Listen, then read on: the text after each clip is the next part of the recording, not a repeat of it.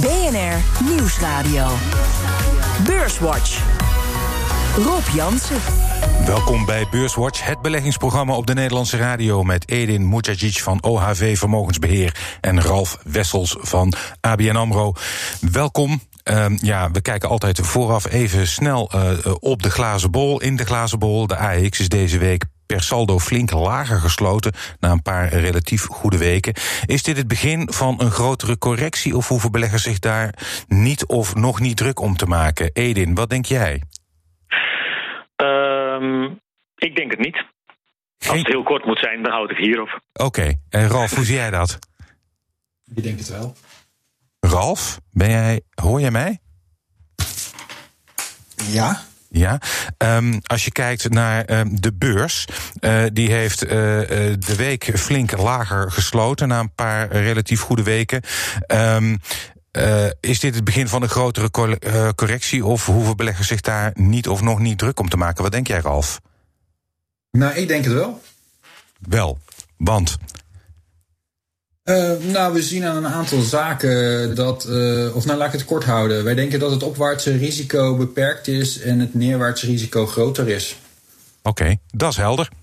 Het was de week waarin ABN AMRO een verlies van 395 miljoen over het eerste kwartaal bekendmaakte. Topman Robert Zwaak. Verklaard voor een heel groot deel door de uh, impairments die we hebben moeten nemen van 1,1 miljard. Onderliggend staat er nog steeds een, een, een krachtige bank. Het uh, operationeel resultaat is 624 miljoen. En daarin ziet u ook gewoon dat de individuele bestanddelen van de verliezenwinst blijven ook op peil. En de winkelverkopen in de VS klapten in elkaar in april. Our April read on retail sales expecting number down around 12%, and it's worse, it's down 16.4%. Of course, this is an all time low month over month change with regard to its history going back to early 1992. En het was de week waarin we hoorden dat de Nederlandse economie in het eerste kwartaal met 1,7% is gekrompen. Peter Heijn van Mulligen van het CBS. Huishoudens hebben een stuk minder uitgegeven. En dat is toch de belangrijkste bijdrage aan die krimp.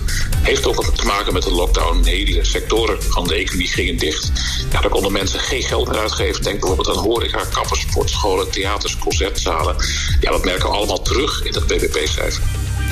Tja, 1,7 procent uh, uh, krimp voor de Nederlandse economie. We steken wel gunstig af vergeleken met landen als uh, Italië, Spanje en Frankrijk. Zelfs Duitsland doet het slechter met een krimp van 2,2 procent. Um, Ralf, als jij zou moeten verklaren waarom Nederland minder hard geraakt is, nu in ieder geval, dan de meeste andere landen, wat denk je? Oeh, ja, dat is zo erg op het coronavirus gericht dat je, we hebben het geluk gehad dat we geen uh, zo'n epicentrum hebben gehad zoals in Lombardije in Italië of iets dergelijks, of Wuhan. Uh, maar als je puur, en ik wil dan niet heel negatief meteen worden, maar over het algemeen uh, is er angst voor een tweede golf. En uh, vaak komt die ook gewoon. En dan zie je juist de landen die, waarbij de eerste golf lager is, is de tweede golf groter en vice versa. Dus, dus da, het is nog te vroeg om daar al uh, de handen voor in de lucht te steken dat wij het beter doen. Ja, Edin, zie jij ook nog niet ja. op dit moment een tweedeling tussen Noord- en Zuid-Europa? Nou, ik, ik, ik, ik kan mij niet aan de indruk onttrekken dat de landen die relatief laat waren met het nemen van allerlei maatregelen om de verspreiding van het virus te voorkomen, dat die uh, in de cijfers over het eerste kwartaal uh, er, het relatief goed hebben gedaan. Hm. Um, wij waren natuurlijk wat later dan landen in het zuiden met, uh, met de maatregelen. Ik denk dat, dat, dat het groeicijfer voor de Nederlandse economie in het tweede kwartaal, maar dat geldt ook voor andere landen in Europa, dat cijfer zal echt beschrikbarend zijn. Ja. Want in het eerste kwartaal hadden we natuurlijk twee, drie coronaweken. In het tweede kwartaal gaan we zeer waarschijnlijk twaalf coronaweken hebben. Dus dat maakt wel wat uit. Ralf? Ja. Ja, ik, ik interpreteerde je vraag anders. Vanuit die optiek denk ik wel dat, dat Nederland het iets uh, beter zal doen, omdat we gewoon uh, minder strenge. Uh, we hebben niet een totale lockdown gehad. We hebben zeg maar een soft lockdown gehad. En waar wij nu weer uh, soepeler worden, zie je dat landen als Spanje en Italië, die gaan nu eigenlijk in de soft lockdown die wij al hebben gehad. Hm. Dus vanuit die optiek, als je puur corona technisch kijkt, doen we het misschien beter. Aan de andere kant gaat dit hele proces allemaal langer duren. En dan is juist Nederland met een meer open economie misschien juist wel weer gevoeliger. Ja, want uh, dus dat betekent dat de voorspellingen van met name het CPB en het IMF en ook ING, die waren juist voor Nederland heel somber.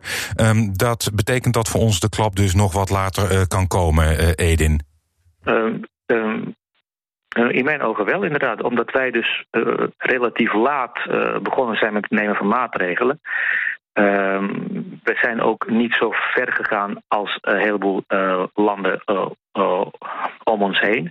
Maar het neemt niet weg dat de echt zichtbare economische schade heel duidelijk voelbaar zal zijn in het tweede kwartaal en niet zozeer in het eerste kwartaal. Ja, um, nou ja, ja, Ralf?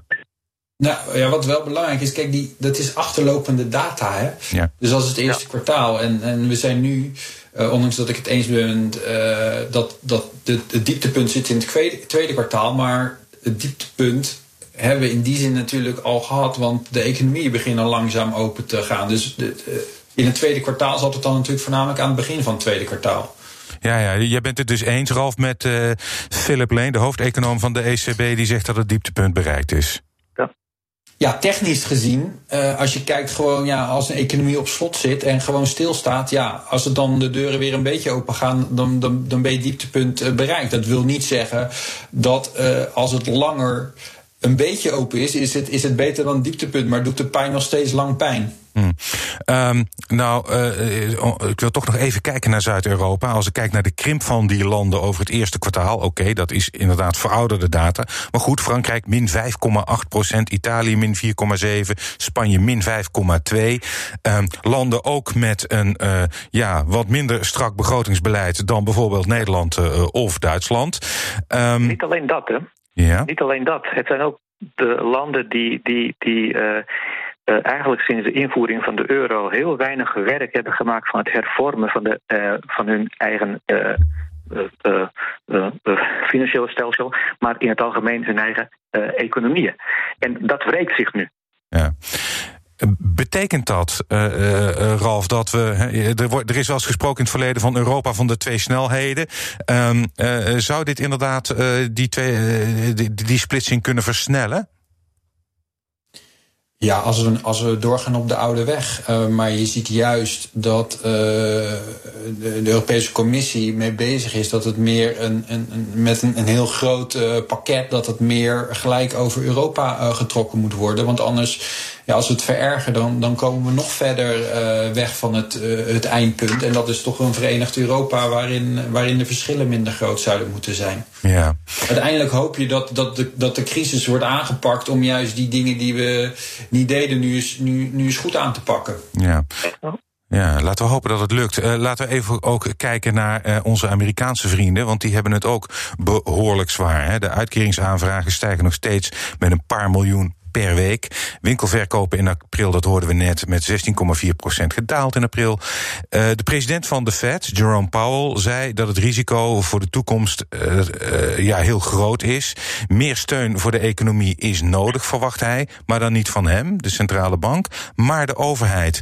Um, Edin, um, wat zou Trump moeten doen en zijn regering om Powell tevreden te stellen? Nou, ik denk dat de voorzitter van de Fed helemaal gelijk heeft als hij zegt: uh, wij hebben alles gedaan wat wij redelijkerwijs kunnen doen. En al is het voor de democratische legitimiteit, want elke steun nu gaat over heel veel geld. En dat moet uiteindelijk gelegitimeerd worden. Dus het moeten mensen die gekozen zijn, die moeten daarover gaan. Um, uh, bovendien, om, uh, omdat de centrale banken zoals de Fed al heel lang de economie stimuleren uh, en de rente is heel laag, uh, is de kans heel groot dat effectiviteit van stimulering via de begroting veel sterker zou zijn dan nog meer uh, stimulering vanuit de Fed. Hmm. dus het is wel belangrijk dat hij dat zegt, want tussen de regels door zegt hij in feite: als jullie als overheid meer gaan steunen, als jullie nieuwe steunpakketten bekendmaken, als jullie de belastingen gaan verlagen, om wat te noemen. Uh, als, je, als je dus in feite geld gaat uitgeven wat je niet hebt, maak je maar geen zorgen over de financiering daarvan. Dat regelen wij wel. Dus ga maar door met wat je moet doen. Dat is een hele uh, uh, impliciete boodschap aan de aan het parlement in de VS in de, in de zin dat de Fed de deur openzet voor meer stimuleringen zonder dat ze zich zorgen hoeven te maken over waar halen we dat geld vandaan. Ja, dat, maar, maar uh, ik kan me ook voorstellen, uh, dat, dat, is eigenlijk ook wel wat je veel leest. We, we, helpen nu heel veel de economie, ook met het creëren van schulden. Ja. dat moet op een gegeven moment ook wel weer terugbetaald gaan worden. Kortom, zijn ja. de stimuleringsmaatregelen van nu niet de bezuinigingsmaatregelen van straks? Ik denk dat je met een heel groot uh, deel van de uh, stimuleringen, of van de, van de maatregelen die als oplossing gepresenteerd worden voor de korte termijn, nou, die oplossingen op de korte termijn die kunnen heel goed grote problemen veroorzaken voor de middellange termijn. Hmm. Ralf, hoe zie jij dat? Nou, ik wil eerst even uh, aangeven dat ik uh, de Fed en, en dan zeg maar de overheid of Trump, en eigenlijk geldt dat ook voor Europa. Hm. De Fed heeft in een eerste instantie met al steunpakketten, die heeft de stress uit de, uit de financiële markten gehaald. Dat was essentieel. Um, als het gaat om wat, wat, wat de, de, regering voor de economie moet doen, ja, dan moeten ze gewoon inderdaad verder stimuleren. En dan is nu nog, het is nu nog een crisissituatie. Dus nu belastingen verlagen of uitgaven verhogen. Ja, als de, als de economie nog grotendeels op, uh, op slot zit, omdat het virus er is, hm. ja, dan is het gewoon checks uitschrijven en, en die op de post doen naar de mensen, zodat ze hun boodschappen kunnen doen. Ja. Als in de volgende stap als inderdaad, als je inderdaad versneld die hoge werkloosheid uh, wilt terugbrengen, ja, dan moet je zelf als uh, overheid gaan investeren of inderdaad de belastingen verlagen. En dan komt inderdaad de vet om de hoek die zegt: oké, dat financieren we. Maar je merkt ook dat, dat, dat het feit dat Amerikanen juist uitgerekend dit jaar ook gaan stemmen, maakt de hele complexe situatie nog complexer.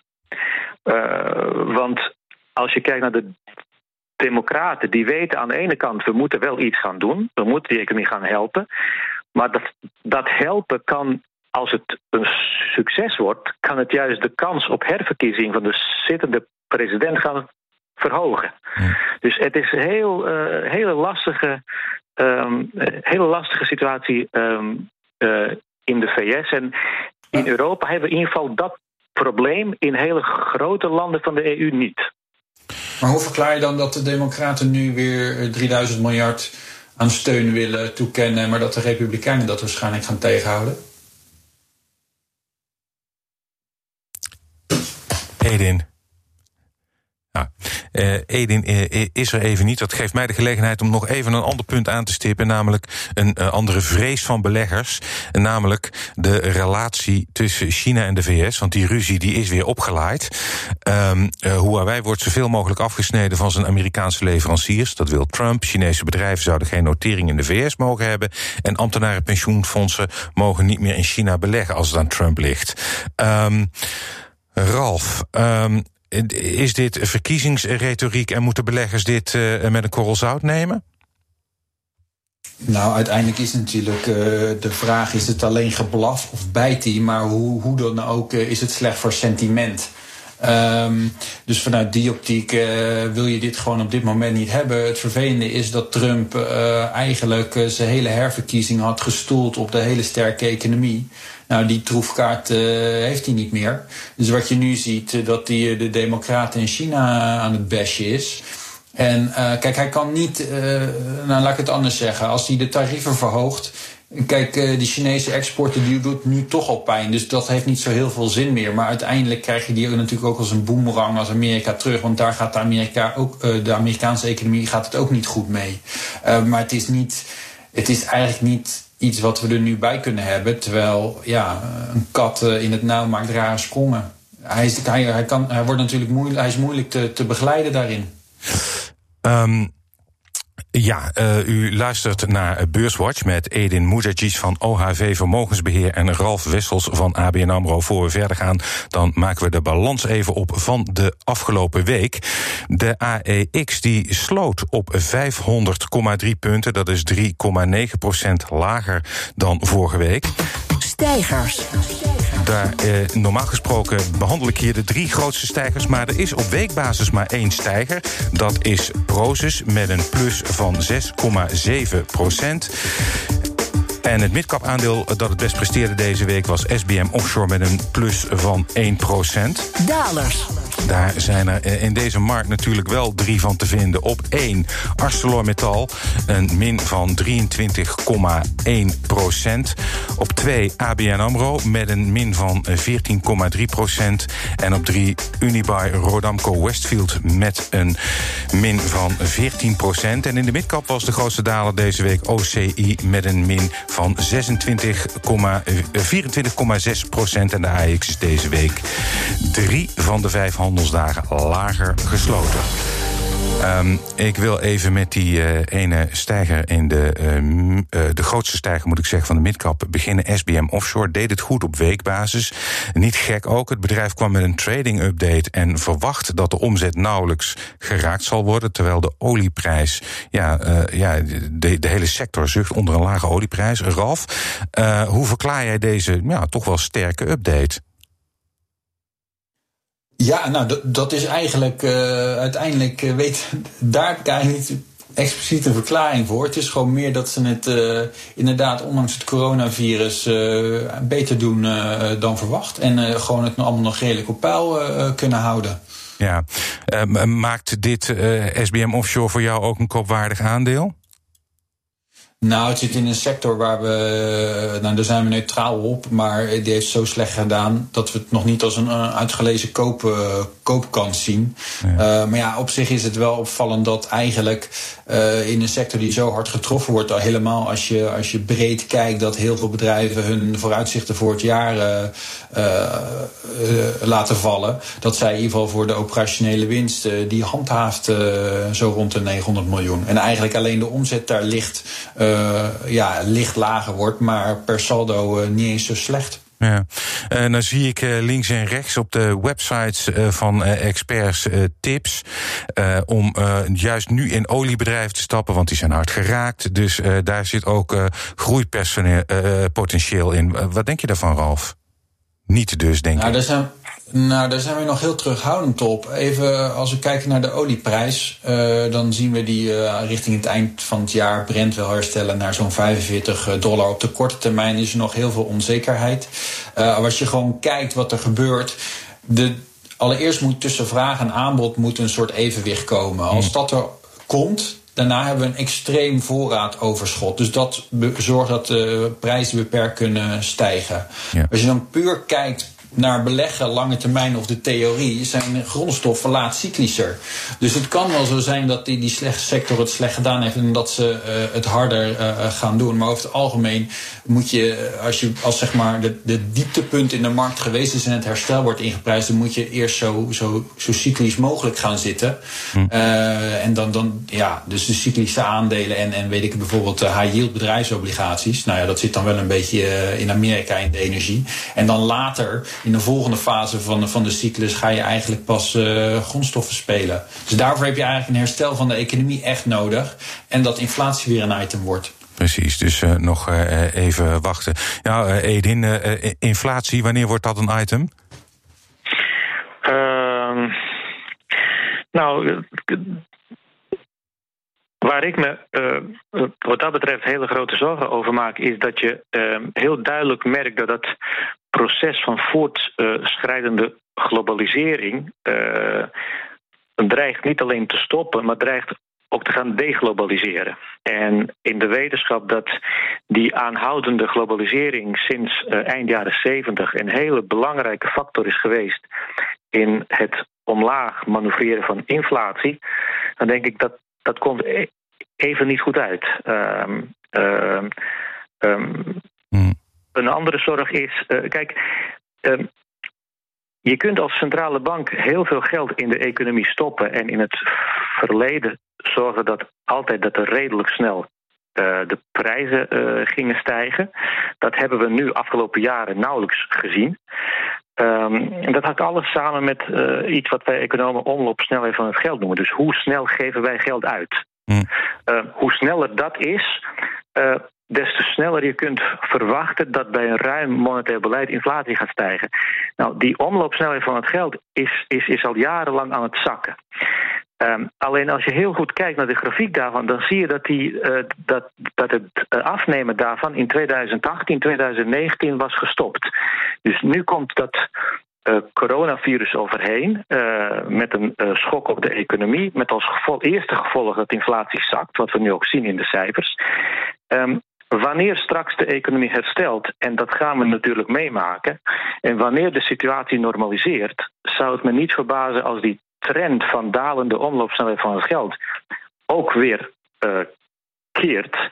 En als ik al die dingen dan samenneem, dus deglobalisering, uh, omloopsnelheid van het geld dat stijgt, uh, eh, ECB en de Fed die, die het uh, zeer ruime beleid nog heel lang zullen moeten vasthouden om de economie te blijven stimuleren. Ik denk dat met het oog op de komende jaren de kans groter is dat de inflatie gaat stijgen, dat, dat die lager uitpakt dan die nu is. Helder. Um, we gaan ook nog even naar verzekeraar Egon. Met sinds vandaag Lart Vriezen als nieuwe topman. Kwamen met cijfers deze week. Ja, iets beter dan verwacht. Althans, volgens beleggers die het aandeel op die dag van publicatie wat hoger zetten.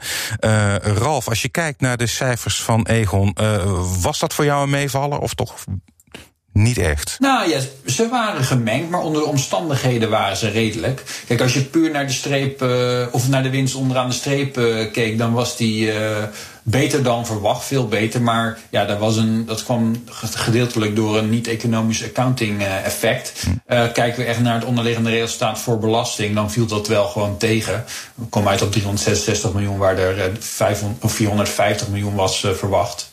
Aan de andere kant, het kapitaalratio, de Solvency 2, eh, die was wel weer beter. Kwam met name door Nederland, eh, terwijl de VS, daar viel het wat tegen. Eh, maar ook de netto kaspositie van ruim of bijna 1,4 miljard, die is solide. dus al met al, ja, niet bijster positief, maar eigenlijk ook niet heel negatief. Het is alleen wel gewoon een sector die het enorm moeilijk heeft. Ja, um, dat klopt. En als je kijkt naar de, de, de koersontwikkeling van Egon onder het bewind van Alexander Wijnands, uh, dat was nou niet echt om over naar huis te schrijven. Dat zal wel voor meer verzekeraars gelden. Wat wordt nou de belangrijkste uitdaging, Ralf, voor Lart Vriezen met Egon?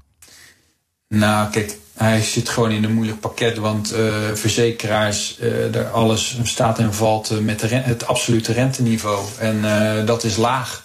Dus hm. het, het, blijft gewoon moeilijk. Ja, en dat betekent dat, dat je, als je kijkt naar eh, de aandelen van de financials, want die zijn in de AEX, of je het nou hebt over eh, ABN Amro, je eigen bank, of, of, ING en de verzekeraars, doen het allemaal uh, moeilijk. Um, verwacht je op koersgebied dat dat dus ook nog wel even zal duren voordat dat gaat herstellen? Ja, wij zijn begin mei uh, negatiever geworden over de financiële uh, sector. Uh, ook omdat nou ja, ze worden volgeraakt in de crisis. Sowieso als het economisch minder gaat, hebben ze er meer last van. Omdat ze inderdaad meer verliezen te, te, verwerken krijgen op, op slechte leningen. Nou, dat geldt natuurlijk meer voor banken dan verzekeraars. En het ziet er ook naar uit dat de rente gewoon nog lang laag blijft. Ja, um, als ik, ik, wil nog even heel kort stilstaan bij uh, vastgoed. Want Unibuy Rodamco Westfield is uh, in uh, year to date, dus dit jaar, de grootste daler in de AEX. vastgoed, Ralf, wat gaat dat nog worden dit jaar? Wat denk je? Nou ja, die zitten natuurlijk enorm met het probleem dat uh, ja, dat ze zo hard getroffen worden. Het is natuurlijk vooral retail vastgoed, waar, wat natuurlijk al die winkelcentra dicht heeft moeten doen. Op zich is het raar, want vastgoed is puur als je naar de dynamiek uh, kijkt van vastgoed beleggingstechnisch, is het redelijk defensief. Alleen het wordt nu vol geraakt. En de angst is een beetje dat ze niet, omdat natuurlijk al die winkeliers ook uh, het water tot aan de lippen staat, die kunnen ze natuurlijk niet gewoon uh, de huurinkomsten blijven vragen. Dus dat gaat waarschijnlijk ook onder, onder ja, politieke druk gaat ze meer pijn doen. ja, het is een van de verliezers van de crisis. En ook gewoon uh, kijken naar de toekomst met anderhalve meter economie, is dat ook nog niet heel snel uh, voorbij. Ja, uh, we zijn alweer uh, bijna aan het einde van de uitzending. En dat betekent dat uh, jullie een tip mogen geven voor de luisteraar. Edin, wat is jouw beleggerstip voor de luisteraar? Nou, ehm, jij stelt die vraag aan een macro-econoom. dus dat betekent dat je bijna per definitie geen aandeel krijgt te horen. Um, wat ik zou zeggen is, ik uh, hoor de laatste tijd heel veel mensen zich uh, vragen stellen bij de, bij de mix die ze hebben in hun portefeuille. Ja. Uh, moet, dat, moet dat niet aangepast worden aan, aan, aan die nieuwe werkelijkheid om ons heen?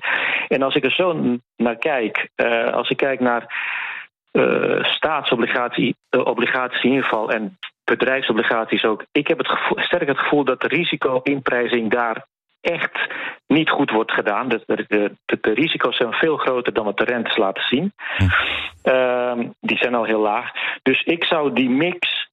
Uh, voor, met het oog op de komende jaren zou ik meer richting, uh, richting bedrijven schuiven, uh, dan, en, en dat ten koste laten gaan van de vastrentende waarde. aandelen doen het op termijn sowieso beter. En zeker in deze omgeving waarin de risico's met betrekking tot staatsobligaties niet goed zijn geprijsd, geldt dat des te meer. Ralf, jouw tip voor de luisteraar. Ja, nou wij zitten meer. We zijn sinds begin mei wat terughoudender geworden op aandelen. We denken dat de zomer een nog wat mindere periode kan, uh, kan zijn. Nou, en dat kan dan misschien wat weer wat mooie instapmomenten opleveren, zoals we dat eigenlijk ook in maart hebben gezien. En dan wil ik toch gewoon weer een, een gouden oude DSM eruit halen. Die staat bij ons op de uh, favorietenlijst. Ik moet wel bij zeggen dat voor het beleggingsbeleid van ABN AMRO je even op de site uh, moet kijken. Uh, het, zijn lang, zit in een lange termijn trend waarin natuurlijk voeding met nutrition steeds belangrijker wordt. Ze zitten natuurlijk wel op dit moment met de materials sector waar ze wat meer pijn lijden. Maar lange termijn trend zit DSM goed gepositioneerd. En wij denken zelf dat het bedrijf nog wat te terughoudend is en ambitieuzer kan zijn onder het huidige beleid beleid. Hartelijk dank, Ralf Wessels van ABN AMRO en Edin Mujacic van OHV Vermogensbeheer. Dit was BNR Beurswatch. Als u wilt reageren, dan uh, kunt u een mail sturen naar beurswatch.bnr.nl of tweeten naar Rob Jansenbeurs. Terugluisteren kan via de site, de BNR-app, de Apple Podcast-app of Spotify. En graag tot volgende week.